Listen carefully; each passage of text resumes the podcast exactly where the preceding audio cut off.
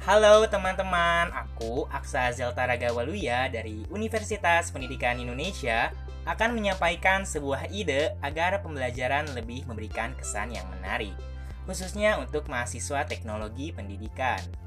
Menurut aku, mungkin langkah awalnya aku akan membuat semacam survei untuk teman-teman. Jadi, kita dapat dengan mudah untuk mengetahui tipe belajar mereka tuh seperti apa, cara belajar yang efektif mereka seperti apa. Nah, setelah melihat hasil survei, baru kita bisa memilih media yang akan kita gunakan. Tetapi ide yang terpikirkan, aku akan memilih medianya dengan cara yang berbeda-beda.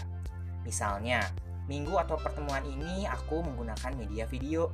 Nah, untuk selanjutnya, aku akan menggunakan media podcast atau yang lainnya. Selain itu, aku inginnya teman-teman juga dapat mengeksplorasi kemampuannya. Misalnya mungkin kita sama-sama menantang diri untuk membuat sesuatu. Seperti yang suka membuat podcast, ya dia membuat materi atau yang berkaitan dengan pembelajarannya melalui podcast. Begitupun dengan yang suka membuat infografis dan sebagainya. Semoga ide ini dapat kita lakukan untuk ke depannya. Terima kasih.